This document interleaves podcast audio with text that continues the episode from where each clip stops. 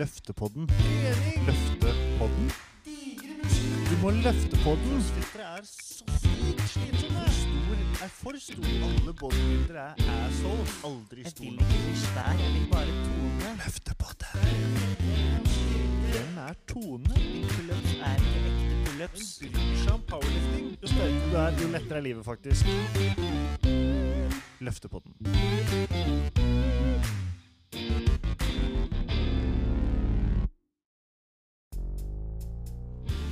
Hei og hallo, og velkommen til sesongens nest siste episode av Løftepodden. Denne gangen snakker vi med Lena Alexandra Øyen, og vi snakker om styrkeløft, bikinifitness, mindset og masse av elementer i hennes karriere som til slutt har leda henne inn i styrkeløftens verden. Dette er nest siste episode, som sagt, så vi vil bare takke Ata Proteinfabrikken masse for støtten denne sesongen her. Sjekk ut alt det gøye Ata har av treningsutstyr hjemme på sine sider. Og hvis ikke du har vært inne på Proteinfabrikken sin YouTube-kanal ennå, kast deg på nærmeste internettmaskin og bare glu på. Alright, da er det bare å kose seg med pod. Vi snakkes. Ja. Kanon. Og så eh, ordner vi resten etterpå. Men OK. Ja. Da kan vi kjøre i gang. Hei og hallo og velkommen, Lene Alexandra Øyen. Tusen takk. Utrolig stas at du vil ta deg tid til å være med i en, eh, en pod med litt sånn ekstra nerdete tema. Nerding er gøy. Det, det er veldig, veldig gøy. Eh, jeg, I min forberedelse til det her så hørte jeg gjennom en podkast med deg og hun Yrja, var det det hun het? Jeg har gjort en del forskjellige podcaster, men jeg har jo snakket med Yrja på Power Ladies, ja. Ikke sant? Det var den som hoppa opp. Og eh, jeg rakk bare å høre gjennom én podkast, men én ja rakk jeg i hvert fall. Og der, altså, bare for å løpe raskt gjennom en slags intro, før du skal gjøre den på ordentlig sjøl, så er stikkorda eh, litt, litt fotball, litt håndball, litt altså, glamourmodell, bikinifitness, artist, PT, Skal vi danse, styrkeløfter. Har jeg glemt noe nå, eller? Ja, du har nok høyst sannsynlig ikke fått med deg alt, men eh, det er forståelig. Altså, jeg har jo gjort ganske mye og er ganske allsidig, så ja. Jeg klarer ikke å huske alt selv engang. Nei. Eh, har du lyst til å bare ta en liten sånn Bare fortelle raskt om deg sjøl? Du er jo et, selvfølgelig et kjent navn, men sånn alltid gøyere å høre folk presentere seg sjøl enn å bare lese. Oi, jeg, jeg syns det er veldig vanskelig å fortelle uten å bli spurt spørsmål. Eh, jeg vet liksom ikke hvor jeg skal starte, for det er så mye å ta av. Så hva, hva er det du lurer på, da? Ok, vi begynner, eh, vi begynner sånn på, på børjan. Hva var det første du dreiv med i forhold til idrett og treningsrelaterte ting? Ja. jeg var jo veldig aktiv fra jeg var liten, og var med mamma på trim da jeg var helt liten, og lå og gjorde sånn turnbevegelser ved siden av. Eh, og så begynte jeg veldig tidlig på eh, friidrett, eh, for det var sånn barnefriidrett. Det var jo mest lek, selvfølgelig. Og så, da jeg var fire, så startet jeg på klassisk ballett i Askim. Eh, men det var veldig Eller det var jo ikke langt, men det ble et stykke å kjøre. Så da ble det til at jeg spilte håndball da i hovedsak fra jeg var 6 til 16. Så det var det jeg satset på. Eh, men samtidig så var jeg veldig sånn at jeg skulle helst prøve alt. Så så det ble innom rytmisk sportsgymnastikk, hopptrening med gutta, og så skulle jeg innom dans. Jeg, jeg ville prøve alt. Men mest så ble det håndball, da, som ble min store lidenskap som liten jente. Og jeg drømte om å være på landslaget og brukte all, alle lommepengene mine på, på det nyeste og beste håndballutstyret, da. Det, hvis du er litt sånn Er du litt sånn eh, utstyrsnerd? Liker du på en måte å gå litt inn i den delen av det også? Jeg tror kanskje jeg er det. Egentlig. Jeg er opptatt av kvalitet. Og så hvis jeg først skal prestere, så vil jeg jo gjerne ha det beste utstyret. Selvfølgelig. Da er det sikkert en, eh, sikkert en egenskap som du har fått bruke litt i styrkeløften også, når vi kommer eh, så langt. Ja, det har gått noen kroner til utstyr. Jeg, ja, jeg skal ikke si noe, jeg kjøpte meg akkurat nye sko, men det, det syns jeg at jeg fortjente. Og det er all, eh, all rettferdiggjøringa jeg trenger. Ja, det har du fortjent. Og så tenker jeg at når man bruker så mye tid på noe og synes det er veldig gøy, så, så er det verdt det. Ja, enig. OK, så eh, litt sånn for å prøve å Jeg skal ikke oppsummere hele podkasten igjen, men jeg syns det var litt interessant. For du var først innom På vei inn på videregående så gikk du inn først musikk, altså drama, for du fant ut at det liksom ikke var helt, helt uh, skolegreia du ville gå for likevel? Eh, nei, uh, jeg begynte på musikkdansdrama. Hadde veldig lyst til å gjøre det. Uh, men så klarte jeg ikke å fullføre året, for det var så mye som skjedde. Jeg var ungdom og mye tankekjør og sånne type ting. da. Men jeg endte jo opp i showbiz uansett, og har jo spilt i film og vært skuespiller og vært artist. Så jeg føler jo på en måte at jeg kom meg dit uansett, og at det ikke var nødvendig å gå tre år på musikkdansdrama, da.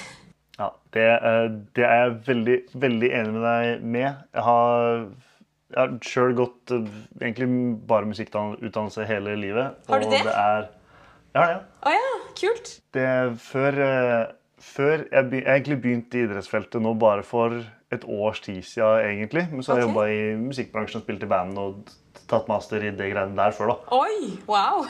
så kult. Ja, men det, det, har vært et, det har vært en overgang. Men, eh, men sånn er det. Men jeg har i hvert fall tenkt at uh, Å nei, ja, jeg har noen spørsmål, så jeg må, spare, må nesten spare til etterpå. Men, ja, det er eh, greit. Det er greit. men, jeg, men jeg er enig i at man ikke trenger noe Altså, det er ikke noe Det er ikke et krav for å komme inn i noen deler av den bransjen eller noe sånt, at du skal ha gått noen skolegang i det hele tatt. Det er eh, egentlig rart om man tenker sånn av og til. Eh, Folk er forskjellige, og for noen så er det riktig å ta en master eller gå ferdig i jussen eller eh, hva som helst. Altså, det handler, jo litt om hva man har mest lyst til, og hva slags type personlighet man er. Da. Men jeg tror jo det at eh, det er viktig å lytte til seg selv og prøve å finne ut eh, hva som passer best til sin personlighet. Og så blir veien litt til mens man går den.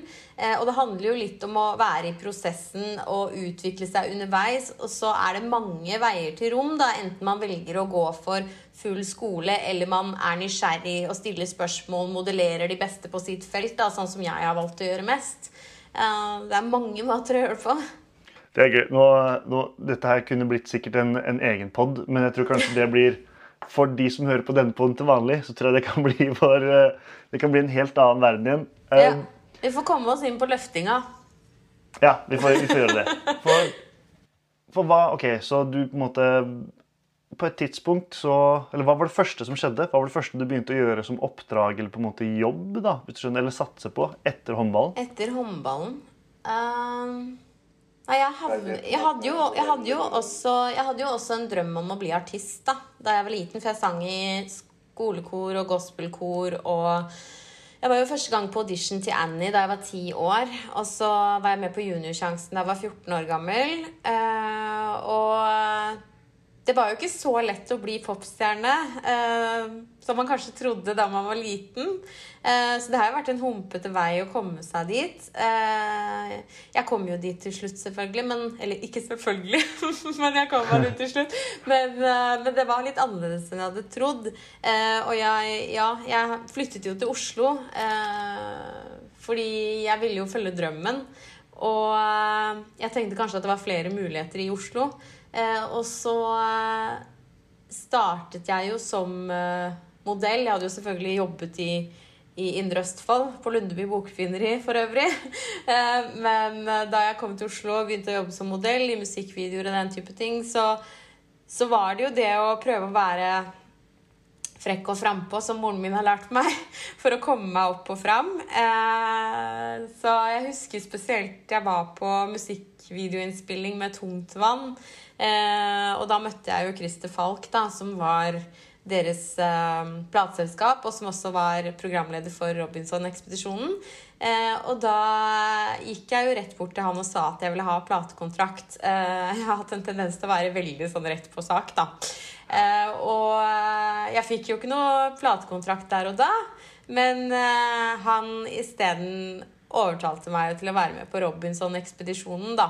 Eh, ved å argumentere for at det kunne gi meg et navn som senere kunne gi meg en mulighet til å få platekontrakt, og ved at jeg kunne utfordre meg selv. Og jeg synes jo egentlig at reality var ganske teit, men jeg synes at argumentene var gode, så jeg valgte å kaste meg uti det. Og det angrer jeg jo ikke på i dag, fordi det har jo gitt meg mange muligheter, deriblant at jeg fikk platekontrakt som jeg hadde drømt om, da. Og det gjorde jo også at jeg fikk eh, en hit, eh, internasjonal hit, eh, som var på hitlistene i flere andre land. Jeg fikk turnere i Norge og utlandet, jeg fikk opptre på VG-lista Topp 20, jeg har deltatt i Grand Prix, eh, på TV-show i Nederland som Beyoncé og Pink og Shakira har vært på før meg. Så jeg fikk jo oppleve den popstjernedrømmen, da. Du hadde jo mye spennende Eller jeg anbefaler å gå og høre på den episoden på Power Ladies med, med Yrja. Der var det, har mye gøy, og noe litt sånn ikke fullt så gøy eh, å fortelle fra de greiene der. Det er jo en ja, hva kan jeg si? Det er, det er en verden med mange blanda elementer. Mye, mye av alt. Ja, definitivt. Det har vært eh, en berg-og-dal-bane. Mye ups and downs. eh, Men jeg føler det er det som har gjort meg til den jeg er i dag, og som har gjort at jeg eh, føler jeg er en god coach, da. Fordi at jeg har mye tyngde, mye livserfaring. Var det før eller etter den artistdelen at du på en måte først prøvde eh, eh, bikini-fitness og sånn type fysikktrening? Ja. Eh, faktisk så eh, Det er jo så mye ting jeg har gjort, og hvis jeg skulle fortalt alt, så hadde vi sittet her i flere timer. Men uh, ja, i boken min så har jeg en sånn tidslinje, hvis noen vil gå nærmere inn på det. Men uh, da jeg var 16 år, så, så begynte jeg jo å instruere Robix på Askim helsesenter. Uh, og det var da jeg egentlig begynte å bli veldig interessert i dette med estetikk og fysikk, styrketrening. Det var da jeg spiste min første havregrynsgrøt. Jeg syntes ikke det var så godt da, men nå elsker jeg det og spiser det gjerne hver dag. Og da husker jeg at jeg eh, synes eh, Lena Johannessen var så flott, og det er jo så morsomt fordi jeg kommuniserer jo med henne på Instagram nå, og hun konkurrerte nettopp, hun er over 50 nå, ikke sant? Så det er så sprøtt eh, hvordan eh, ja, man utvikler seg og møter nye folk og alt det der. Så mm. egentlig så drømte jeg jo om det den gangen, men da var jeg ikke klar for det, og jeg hadde ikke den kompetansen jeg har i dag.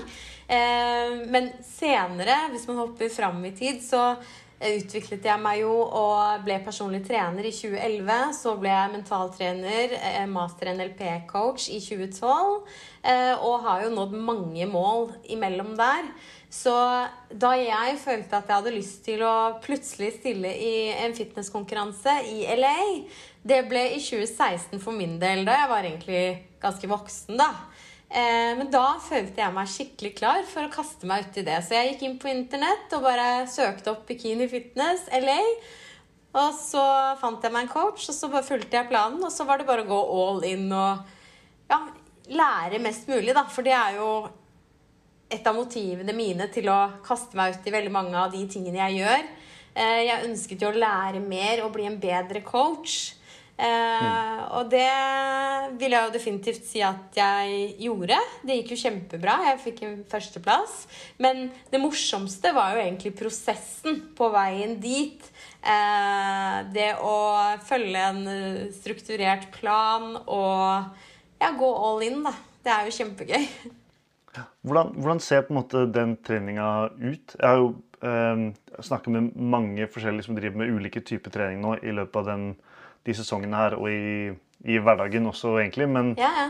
men jeg har ikke snakka med noen som har drevet med liksom eh, Ja, sånn estetisk på en måte på et sånn type nivå. Da. Hvordan ser liksom det opplegget ut, da? I Eh, Bendik? Ja. Be Bendik! Ja. Skal jeg fortelle noe gøy? Kjør på. Vi, eh, vi har fått spons. Podkasten har fått spons. Av hvem da? Vi har fått spons av uh, sjølveste, the one and only, den ene proteinfabrikken. Nei. Er det sant? Det er sant. Det er på samme måte som unge treningsnoobs begynner med proteinshake fra PF når du skal bli sterk første gang, Ja. så er nå eh, selve PF inne i våre podkastmuskler og skal hjelpe til å gro de. Det er kanskje den fineste metaforen jeg har hørt noen gang. Eh, Så vi får satse på syke podgains i løpet av, eh, i løpet av 2022. De har også en YouTube-serie som er ganske fet. Masse lange intervjuer med liksom fagfolk om trening og kroppen. og litt sånn, mer sånn kunnskapstungt. da. det er kanskje dagens tips. Gå inn på Proteinfabrikken sin YouTube-kanal og sjekke ut eh, de kule tinga de har der. Ja. Er det noe vi kan lære av deg? Ja, jeg, jeg kan jo ingenting, så jeg kan lære masse. Ja, det er sant. Og jeg later jo bare som. Ja. ja, OK. Men der har du det. Gå inn på Proteinfabrikken sin YouTube og få deg noe knowledge. I uken opp mot konkurransen eller i hverdagen. Ja, eh, Nå er det en stund siden jeg holdt på med det, så jeg er ikke så inn i detaljene nå. Eh, jeg glemmer fort og er veldig i nuet. Men eh, hovedforskjellen da på fitness og styrkeløft, det er vel kanskje det at eh, i styrkeløft så handler det mer om prestasjonen og lite om utseendet. Eh, det er jo en slags prestasjon, eh, det man gjør i fitness også, men det er mer eh, å få fram musklene estetisk sett på en best mulig måte. Og sånn treningsprogrammessig eh, så er det jo mer fokus på hypertrofi, kontakt, pumping kanskje, i eh, fitness. Eh, det er jo selvfølgelig også en kombinasjon. eh, At man programmerer og periodiserer med både styrkefokus med tyngre løft eh, også, for å bygge en god foundation. Men eh, i styrkeløft så er det jo mer færre repetisjoner og veldig tungt mye. Har i hvert fall jeg opplevd. Nå er jo selvfølgelig ikke jeg superekspert på det. Jeg har jo bare konkurrert et par år og prøvd å lære så mye som mulig, men det er jo alltid mer man kan lære, da. Eh, men eh, min opplevelse er vel det at um, eh, Styrkeløftmiljøet er litt mer sånn laid back. og der kan man Enig. spise litt og ekstra og gjerne være litt rundere i kantene, da. Så det er jo Ja. litt mer eh, chill. Mens i fitnessmiljøet, der er det kanskje mer ekstremt og ja, veldig utseendefokusert, da. Ja. Hva blir, eh, hva blir på en måte resultatet av det når du dukker um, så langt inn i det? Det er i hvert fall noe jeg har kjent på sjøl, og har snakket med andre som har kjent på det samme. Det med å gå fra, gå fra kanskje vanlig treningsstudio eller trening som handler om hvordan man ser ut, til hva kan du gjøre, som du sier, da, i det idrettsaspektet i både styrkeløft eller om det er vektløfting eller crossfit eller whatever. Det at det var opplevdes som en som en lettelse uh, å sette fokuset på det istedenfor å kun trene for utseende. Blir du liksom blir du helt borte, sånn down the rabbit hole på de tinga? Det, det må være tungt, ser jeg bare for meg, å trene for fysikk, sånn mentalt. Jeg har jo eh, vært eh, veldig sånn opptatt av estetikk og utseende store deler av livet mitt. Jeg har jo vært modell og vært artist og eh, synes at den type ting har vært veldig spennende og gøy.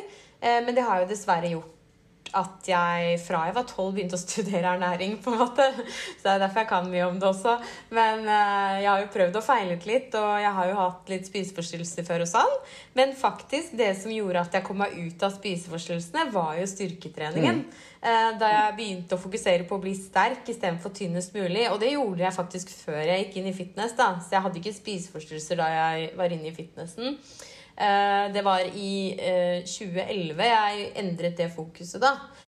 Eh, Og ved å fokusere mer på å bli sterk istedenfor tynnest mulig, så eh, ble jeg kvitt spiseforstyrrelsene og fikk et mye bedre mindset. da. Og det er jo mye det også som jeg bl.a. ønsker å få fokus på i, i boken min, da. 'Sterkere på tolv uker'. Eh, fordi at det er dessverre altfor mange som fokuserer på tallet på vekten. Eh, og det er jo kanskje nesten ikke til å komme utenom, virker det som. Både menn og kvinner, faktisk. Eh, men hvis man heller fokuserer på hvor mye man løfter, eh, og har Setter seg mål, men samtidig realistiske og går gradvis oppover i vekt, da, så har jeg sett samtlige, både menn og kvinner som jeg coacher, og meg selv, eh, bli sterkere og mer selvsikre. Og, det funker så utrolig bra for eh, psykisk eh, helse, da. Eh, Og det er en av hovedgrunnene til at jeg brenner så veldig for å få styrketrening ut og opp og fram, da. Og også i tillegg til selvfølgelig det at det er utrolig viktig når vi blir eldre, fordi at muskelmassen avtar. Og når vi trener tung styrketrening, så ivaretar vi musklene våre, og vi klarer å reise oss opp av sofaen når vi blir eldre. Og i tillegg så opprettholder vi beintetthet, som gjør at vi kan få en god alderdom også, da. De to tingene spesielt er jo ja, to veldig viktige ting som eh, flere burde tenke på. Da. Det er jo altfor få personer som faktisk trener.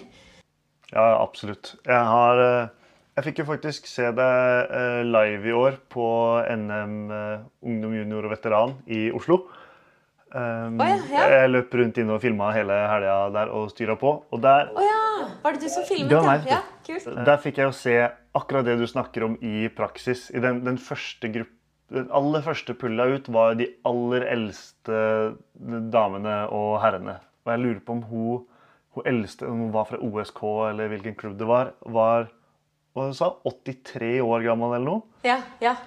Og det var bare et eller annet med å se eh, det, var, det var bare så fett. For når liksom sånn Jeg tror mange av de gamle særlig damene syntes det var litt kaldt i hallen. fordi når de satt bak, bak før de skulle inn i løftet, så sitter de liksom i sånne store ulltepper liksom godt pakka inn. Og så er det sånn OK, men da er det Gudrun sin tur til å løfte. Så er det av med den, og så har du singleten og Beast Genetics-logoer. Ja. De, er- de er så dritrå, liksom. Ja, også, også eh, De damene inspirerer meg så sinnssykt mye. Altså, da jeg så de, så bare sånn Ja, men herregud. Kan de, kan jeg. Og alle andre. Altså, det er ikke noe unnskyldning. Det handler bare om innstilling, da, ikke sant? og hvor bra det vil bli. Og så er det jo utrolig viktig. Jeg tror eh, ja, Kirsti er det vel ei av de som heter, som var på God morgen Norge også, i forhold til det at hun hadde hatt osteoporose, så begynte med styrkeløft, og så hadde hun faktisk eh, Har hun ikke det lenger. Eh, og det sier jo litt da, over hvor viktig styrketrening er. Og det er derfor jeg prøver å få enda flere til å starte med det. fordi det blir jo som en investering, akkurat som med penger. altså Du kan ikke bruke penger du ikke har i banken. Og hvis du ikke har lagt inn eh, styrketreningen, da, så vil du heller ikke ha styrke og muskelmasse til å bære deg, eller et sterkt skjelett, når du blir eldre. Så det er jo Nei. en utrolig viktig investering. Ja, ja absolutt. Det, det var kult. Det var kult, eh, kult å se. Men der fikk jeg på en måte Du virka ganske sånn in the zone der. Blir du, veldig, blir du sånn skylappete når du konkurrerer? Er det på en måte bare sånn Dette er jobben. Dette er det jeg skal konse på? Eller hvordan er du Ja. som konkurransemenneske? Ja, jeg er jo Jeg er jo ikke ekstrovert. Eh, Jeg er jo høyst sannsynlig ambivert. Altså, det vil si eh, Introvert da er det jo veldig sånn som samler energi alene og er veldig inne i deg selv. Eh, ekstrovert da er du mer sånn som får energi av masse mennesker. Masse mennesker kan gjøre meg sliten og tappet for krefter, da, så jeg prøver jo å spare og samle energien. Noen tror jo jeg er overlegen noen ganger, men det er jo egentlig bare fordi at jeg prøver å samle energi, og jeg prøver å fokusere. Jeg har i tillegg ADHD, så når jeg skal gjøre en trening, så er jeg nødt til å ta på hodetelefonen og fokusere. Hvis ikke får jeg ikke gjort treningen. Så jeg kan jo ikke gå rundt og please alle andre og skravle med alle andre, og så får ikke jeg trent. Fordi det er utrolig viktig for meg og min psykiske helse da, å få gjort treningen, da. Fordi at det produserer endorfiner, og det gjør jo at jeg har det bedre. ikke sant? Eh, og for eksempel i forhold til prestasjon, da, så har jeg jo prestert på ganske mange ulike arenaer opp igjennom, og jeg har jo studert eh, prestasjon og de beste, og også blitt veldig kjent med meg selv, hvordan jeg presterer best, og hvordan jeg liker å ha det rundt meg. Så jeg får egentlig kommer i den beste staten hvis jeg går inn i meg selv og hører på den riktige musikken. Det kan være typisk filmmusikk eller eh, noen sånn motivasjonstaler som skriker inn i øra på meg og minner meg på de viktige tingene eh, som er viktige der og da. For jeg trenger å få ut litt aggresjon da, hvis jeg skal bli sterk. Eh, når det er sagt, da, akkurat eh, den NM-en eller der som du var, så så var jeg veldig Jeg var syk rett før og så hadde jeg et hip impingement rett før EM, og jeg hadde- kom nettopp fra EM, så det var litt sånn Å være på NM etter EM, det var litt sånn Ja, litt baklengs. ja, det var litt sånn, så jeg var ikke helt uh, der jeg skulle være. Så jeg bare, det jeg gjorde den dagen, var liksom sånn at jeg Ok, Lene, nå er utfordringen at du skal teste deg selv i å se hvordan klarer du å prestere når du egentlig ikke er motivert. Og så bare gjennomføre. var målet mitt. da, Og så var det egentlig fokus på å heller få min kunde Masal til å prestere sitt beste. da, Og hun presterte dritbra, så det er jeg fornøyd med. Men uh, jeg var uh, mest med sånn for å støtte henne og det sosiale, og så måtte jeg bare komme meg gjennom det, da. Men eh, jeg føler liksom at mitt fokus var på EM og prestere mitt beste der. Og da, da var jeg helt i riktig state, og det var kjempegøy. Jeg hadde et veldig godt team, da. Eh, Jeg hadde én lagleder som var rolig og strukturert, og en som var gæren. Arild. Ja. Og, og vi hadde det veldig, veldig gøy. Og ja, det er morsomt å gjøre det umulige mulig, da. Ja, ja. Du, du løfter for Brumunddal, sant? Ja. Bor du langt du, du bor vel i Oslo kanskje nå, eller? Får du trent noe på Får du vært på typ, samlinger eller et eller annet sånn med det, eller? Nei, jeg er jo litt sånn enstøing, jeg som gjerne trener mye alene. Ehm, jeg blir jo litt sliten når det er mye folk. Ehm, Sant. ja, Men eh, det er jo i Hamar, eh, og grunnen til at jeg endte opp der, var jo fordi at eh, Hilde Mikkelsen Hun har jeg møtt noen ganger, og hun er jo en utrolig kul, inspirerende dame. Og så trente jeg sammen med henne på gymmet til samboeren hennes. Og så eh, utfordret hun meg bare sånn Ja, men herregud, Lene, du kan du ikke kvalifisere deg til EM, da? Og jeg bare Hæ? Kan jeg det? Ja, ja, det fikser du, sier hun. Så jeg bare Ja, hva, hva skal jeg gjøre, da? Eller så sier jeg. Og så ble jeg med i klubben, fikk jeg et program, da. Så gikk jeg jo bare all in igjen, da, sånn som jeg pleier å gjøre. Bare følge planen, da. For det har jeg jo blitt ganske god på. Og så hadde noen skader underveis, og sånn, så det kunne jo gått enda bedre også. Men jeg er jo veldig fornøyd med at jeg klarte å få en andreplass i benkpress på EM, da. Så, Det er ganske fett. ja, og bare det å få lov til å ha på seg liksom landslagsdrakt og sånn, jeg syns det var veldig stas, da. Ja, det, er, det er stilig. Jeg fikk jo, jeg, jeg fikk jo være med utstyrslaget til USA nå i sommer. gjør, vi gjør et prosjekt med de. Å ja, VM, eller? Um, nei, World, World Games nå i USA.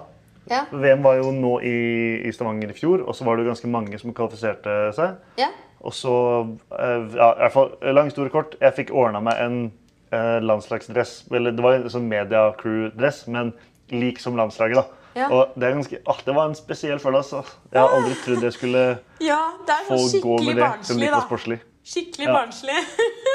Faktisk. På Men den det er jo litt måten. pussig, det der. For det som jeg sa til deg, så jeg hadde jo en drøm om å komme på landslaget i, i håndball. Og Sosian Goksøy var liksom forbilde. Og hun har jeg for øvrig også møtt i ettertid. da. Det er jo så sprøtt. Eh, og så, men så havnet jeg liksom på styrkeløft landslaget. Ja. Å nei, det er, verden er rar. Altså, det er sånn jeg, jeg, kunne ha satt meg så mye høyere mål. For jeg, jeg hadde egentlig bare popstjernemål. Jeg er i drøm om å bli popstjerne. Og så har det blitt så mye mer, da. Men det, man kan ende opp mange verre steder enn styrkeløftlandslaget, tror jeg. Fordi dette er en ganske ny idrett for meg. Jeg begynte ikke å sjekke ut det ordentlig før eh, Egentlig begynte jeg å intervjue folk for litt over et års tid siden i, forbindelse med podkasten. Men har blitt kjent med Det er så mange fine folk Ja. i det miljøet generelt. Definitivt. Så det uh, fins langt verre landslag å ende på, tror jeg, Ja. Nei, det var en veldig, veldig fin opplevelse. I min stalkeforberedelse her så så jeg at du hadde fått litt beggtips og sånn av eh, Fredrik Gyllensten. Ja, eh, Fredrik Gylensten eh, har jeg kjent veldig lenge, egentlig siden de første årene vi startet som personlig trener. Eh, da var vi jo på Olympiatoppen, eh, og eh, ja, da trente vi faktisk litt olympisk løft sammen også. Han Ja, har jo vært lidenskapelig det var det jeg skulle av spørre om. Ja. Ha, om du har testa, og hva ja, ja, om du har testa, rett og slett. ja, jeg har testet olympisk løfting, men ikke nok til at jeg har blitt hektet og valgt å gå for det. Eh, og så er det jo litt større skaderisiko, da. Eh, jeg har jo vurdert å teste det også for gøy, men det er litt med det at det er 24 timer i døgnet, og ja Hva vil man få ut av treningen? Og eh, det er jo veldig mye teknisk trening, da. Eh, for så vidt så har jeg ganske god teknikk, eller godt utgangspunkt, så jeg kunne nok sikkert blitt god i det, men det vil kreve mange timer. Og helt ærlig så tror jeg nok kanskje at den type trening som jeg driver med nå, er best for framtiden og helsen min, da. Eh, Og nå er jeg jo 40 år, så jeg tenker jo mest på det, kanskje. Ja, ja. ja jeg, jeg, ser, jeg ser faktisk den. Det er, det er som du sier, det er jo litt, det er litt større skaderisiko med mer eksplosive, litt mer sånn voldsomme bevegelser og sånn. Ja. Eh, og det er jo på en måte Om ikke mer, så i hvert fall like nerdy. Eh, jeg vet ikke om du også er sånn, men jeg blir hvert fall sånn hvis jeg, hvis jeg prøver noe som jeg syns er veldig, veldig gøy, Ja. så blir jeg nesten irritert fordi jeg skjønner at jeg ikke har tid til å bli god i det. Ja, det er litt sånn Altså, jeg, jeg liker jo å prestere bra når jeg først skal prestere. Så hvis jeg først skal gjøre noe, da Altså, vi har jo x antall år på jorda, og jeg vil jo oppleve mest mulig. Og jeg lever jo et litt sånn utradisjonelt liv. Altså, det er jo ikke det å gifte seg og få barn som har vært min drøm. Eh, jeg får opplevelser, sprenger grenser, gjør det umulig mulig. Og eh, ja, det er jo så mye man har lyst til å gjøre, da, men så må man velge litt også. For det er jo bare ja, 24 timer i døgnet, og jeg har jo eh, vært utbrent et par ganger. Eh, Ja. Så man må velge litt, da. Det er det. Ja. Så, men jeg kjenner meg veldig enig i det du sier der, at eh, egentlig så kan man faktisk bli god på det meste. Hvis man bare vil. Det er bare et spørsmål om tid, ikke sant? Ja, ja, det er liksom det. Jeg tror Med en gang du på en måte har satt inn noe energi og krefter i å bli liksom litt eller ganske god i noe, så ser du OK, dette er antall timer som trengs for å komme Ja. til dette nivået. Jeg prøvde klatring nå eh, i sommer for første gang på mange mange år. Ja. Og jeg kjente sånn åh, dette hadde vært gøy. Jeg hadde blitt, så, jeg hadde blitt crack-avhengig med en gang. Men, men jeg, jeg, jeg hadde blitt irritert fordi ok, jeg skjønner hvor lenge jeg må jobbe for å komme til et nivå som hadde vært ekstra kult å få til. hvis du skjønner. ja, ikke sant? sånn, da, da kan jeg ikke gjøre det. Jeg, jeg klarer ikke den middelveien. Det sliter jeg litt med. Men sånn er, sånn er Jeg jeg. skjønner hva du mener. Det, det er mange som er veldig sånn eh, sort-hvitt og enten-eller, da. Og det har jo jeg pleid å være òg. Jeg har jo faktisk jobbet med å lære meg mer gråsone og balanse og blitt bedre på det nå selv, da. Men uh, Står, står det noe om det i boka di også? For da må jeg skaffe meg den, tror jeg. du, eh, den eh, kunnskapen på det feltet er noe jeg har tilegnet meg etter jeg ga ut den boken. Faktisk, Det står jo litt om balanse og positiv egoisme og metime og den type ting, da.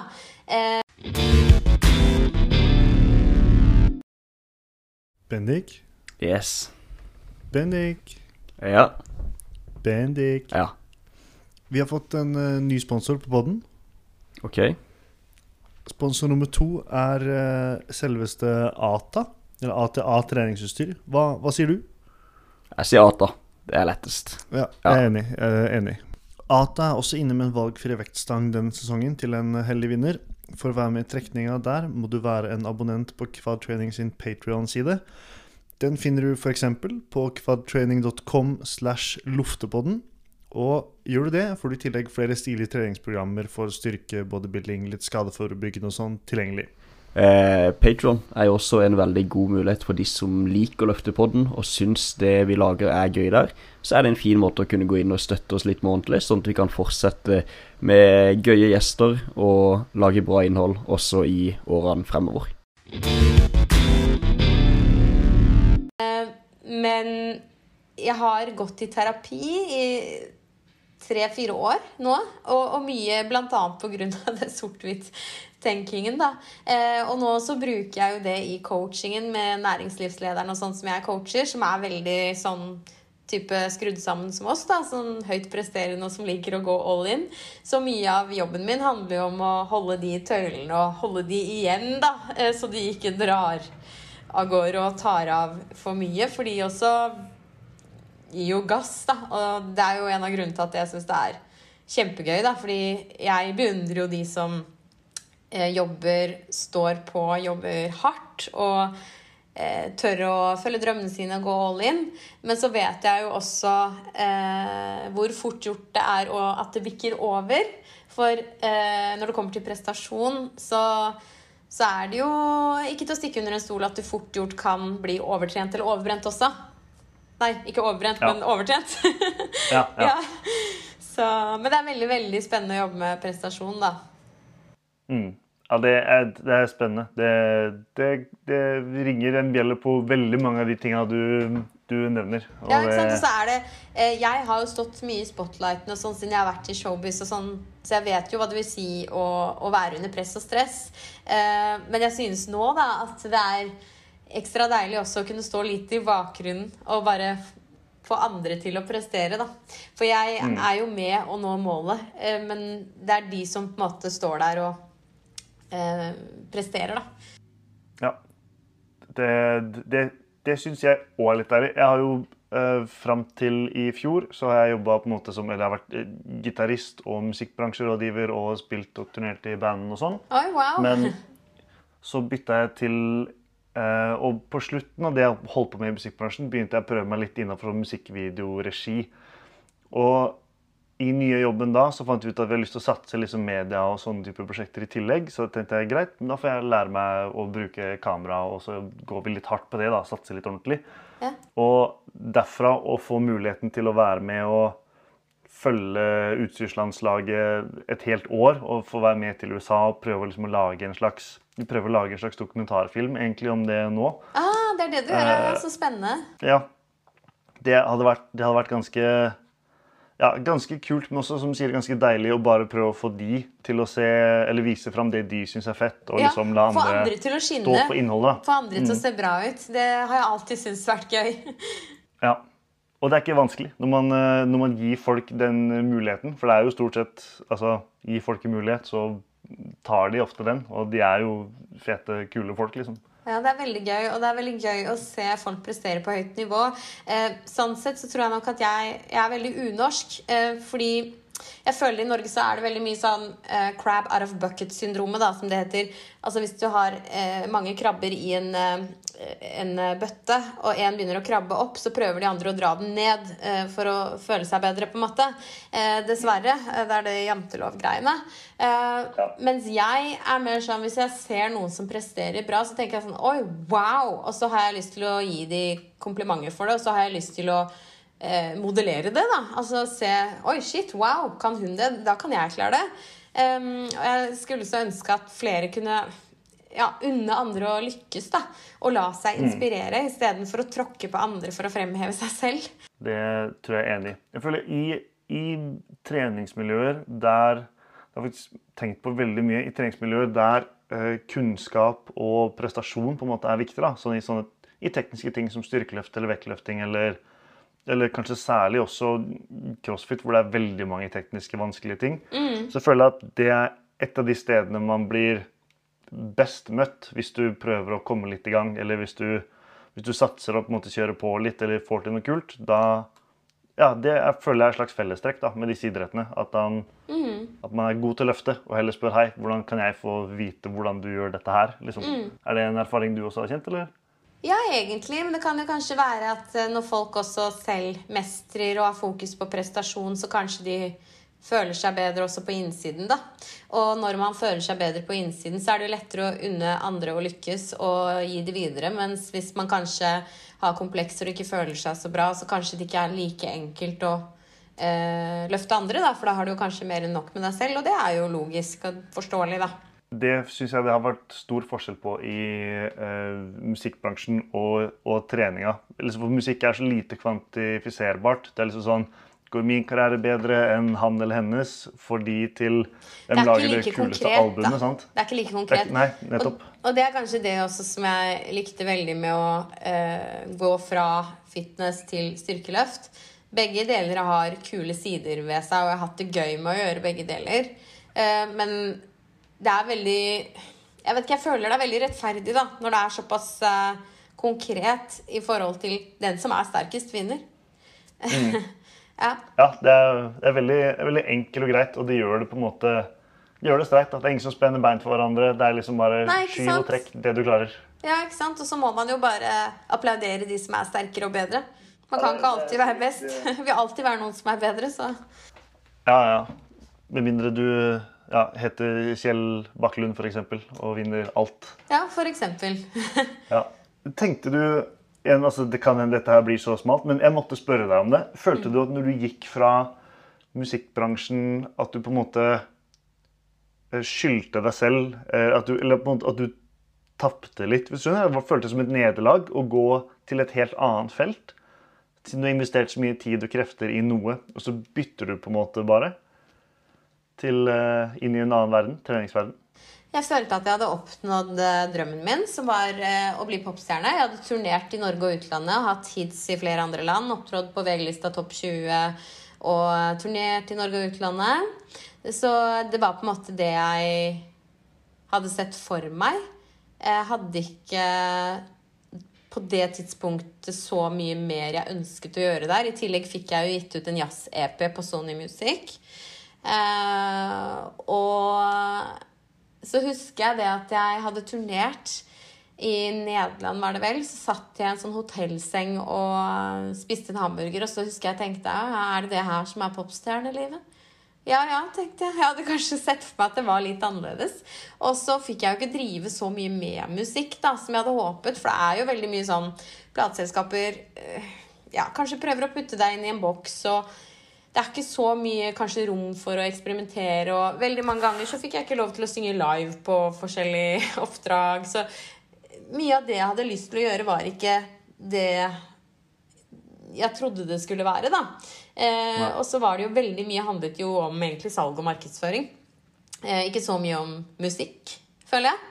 Eh, Så pressen var jo mer interessert i andre ting enn musikk. Eh, nå hadde jo jeg for så vidt en ganske spesiell image den tiden, som jeg også eh, det var jeg også med på, så det var jo for så vidt eh, litt selvforskyldt.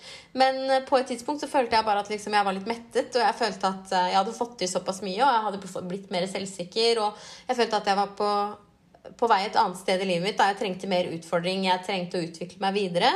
I tillegg så fjernet jeg jo silikonen og kastet meg ut i Skal vi danse, som jeg vant. Eh, og da hadde jeg lyst til å starte med noe nytt. Eh, jeg visste ikke helt hva. Eh, Jeg bare bestemte meg for at jeg skal i hvert fall jobbe med noe som jeg har lidenskap for. Det er viktig for meg. Og treningen har jo alltid vært noe jeg har hatt stor lidenskap for. da. Noen trodde jo at jeg gikk til noe helt annet, at nå begynner hun å trene. Etter boobs-perioden, på en måte. Men jeg har jo trent hele livet. Jeg har jo alltid vært idrettsjente.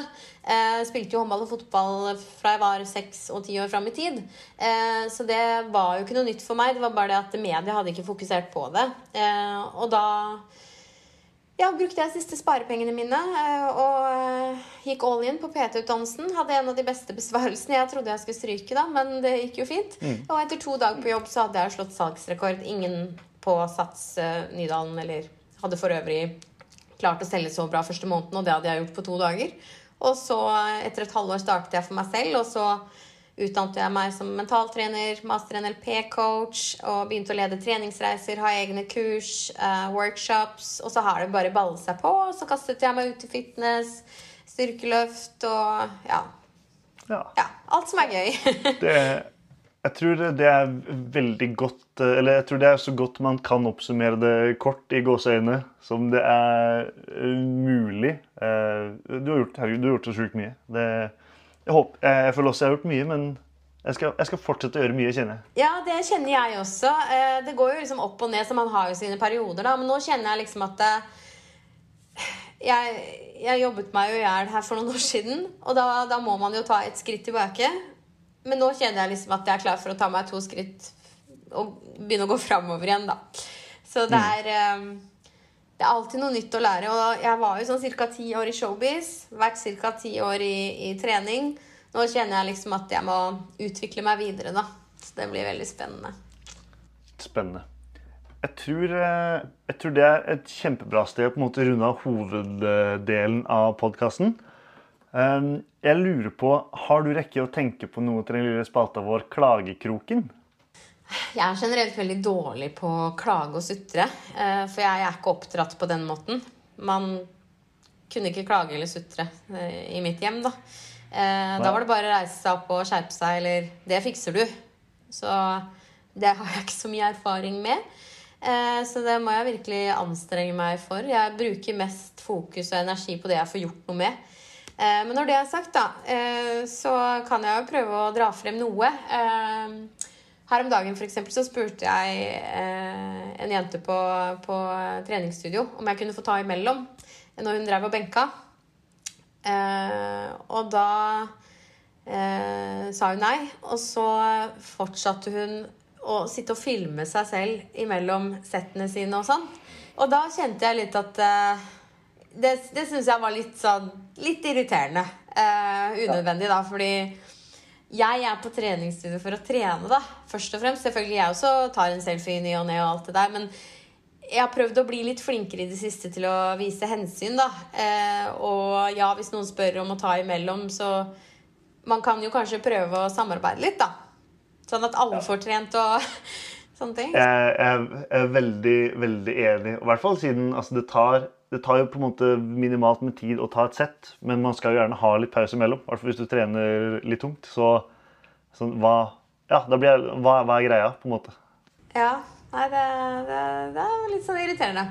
Men eh, andre ting som er irriterende Nei, det er vel egentlig det som vi var litt innom i stad. Eh, mennesker som ikke unner andre å lykkes, eh, og som skal istedenfor å se muligheter og løfte andre opp, eh, skal kritisere og tråkke på folk for å føle seg bedre selv, eller for å fremheve seg selv. Da. Jeg syns det er en veldig dårlig måte å selge eller markedsføre på. Jeg syns det er mye bedre å heller fokusere på å skape bra resultater eh, med kundene sine eller seg selv, da, eh, enn å måtte trykke andre ned for å, å markedsføre eller selge seg selv. Det, det, det har jeg aldri skjønt. Nei. Nei, det, det er et godt spørsmål. Men det tenker jeg, det er greit at man kanskje ikke skjønner. For da trenger man ikke finne ut av det heller. på en måte. Nei, altså for all del. Eh, jeg synes det er viktig at det er frihet til å ytre sine meninger. Og det er helt lov å være uenig. Eh, men når du ser at noen bevisst tråkker på andre og henger ut andre for å fremheve seg selv, det syns jeg er dårlig stil. Det er heldigvis eh, ofte gjennomsiktig, kan man si.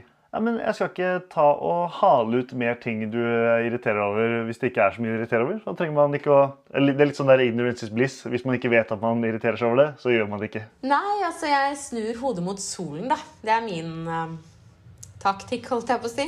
Så hvis det er noen som er uhyggelig, så trenger jeg ikke ha noe særlig med de å gjøre, egentlig. Veldig enkelt Ja, og det er en god, en god strategi Ja, generelt i livet, tror jeg. eh, for å få best mulig livskvalitet så har det jo veldig mye å si hvem vi omgås, for vi blir som de vi omgås. Eh, og da ønsker jeg å omgås mennesker som tilfører meg noe positivt. Selvfølgelig vil jeg veldig gjerne ha konstruktiv kritikk, eh, men man velger jo gjerne hvem man vil ha det fra, og da spør man de man har respekt for. Eh, ikke at folk plutselig bare buser ut uten at du har spurt. Ja. Jeg tror det er et, et veldig godt tips å runde av poddinga på. Jeg. Ja, så bra, så bra. Så kan jeg bare si tusen hjertelig takk for at du har vært med. Vi tar, eh, Når vi gir oss her, så tar vi bare og eh, trykker på record, og så sier vi ha det ordentlig etterpå. Men eh, det har vært eh, kjempegøy å høre fra deg, Lene. Jo, takk det samme. Veldig hyggelig å skravle med deg. Da trykker vi record, og så har vi det, tror jeg. Skal vi se.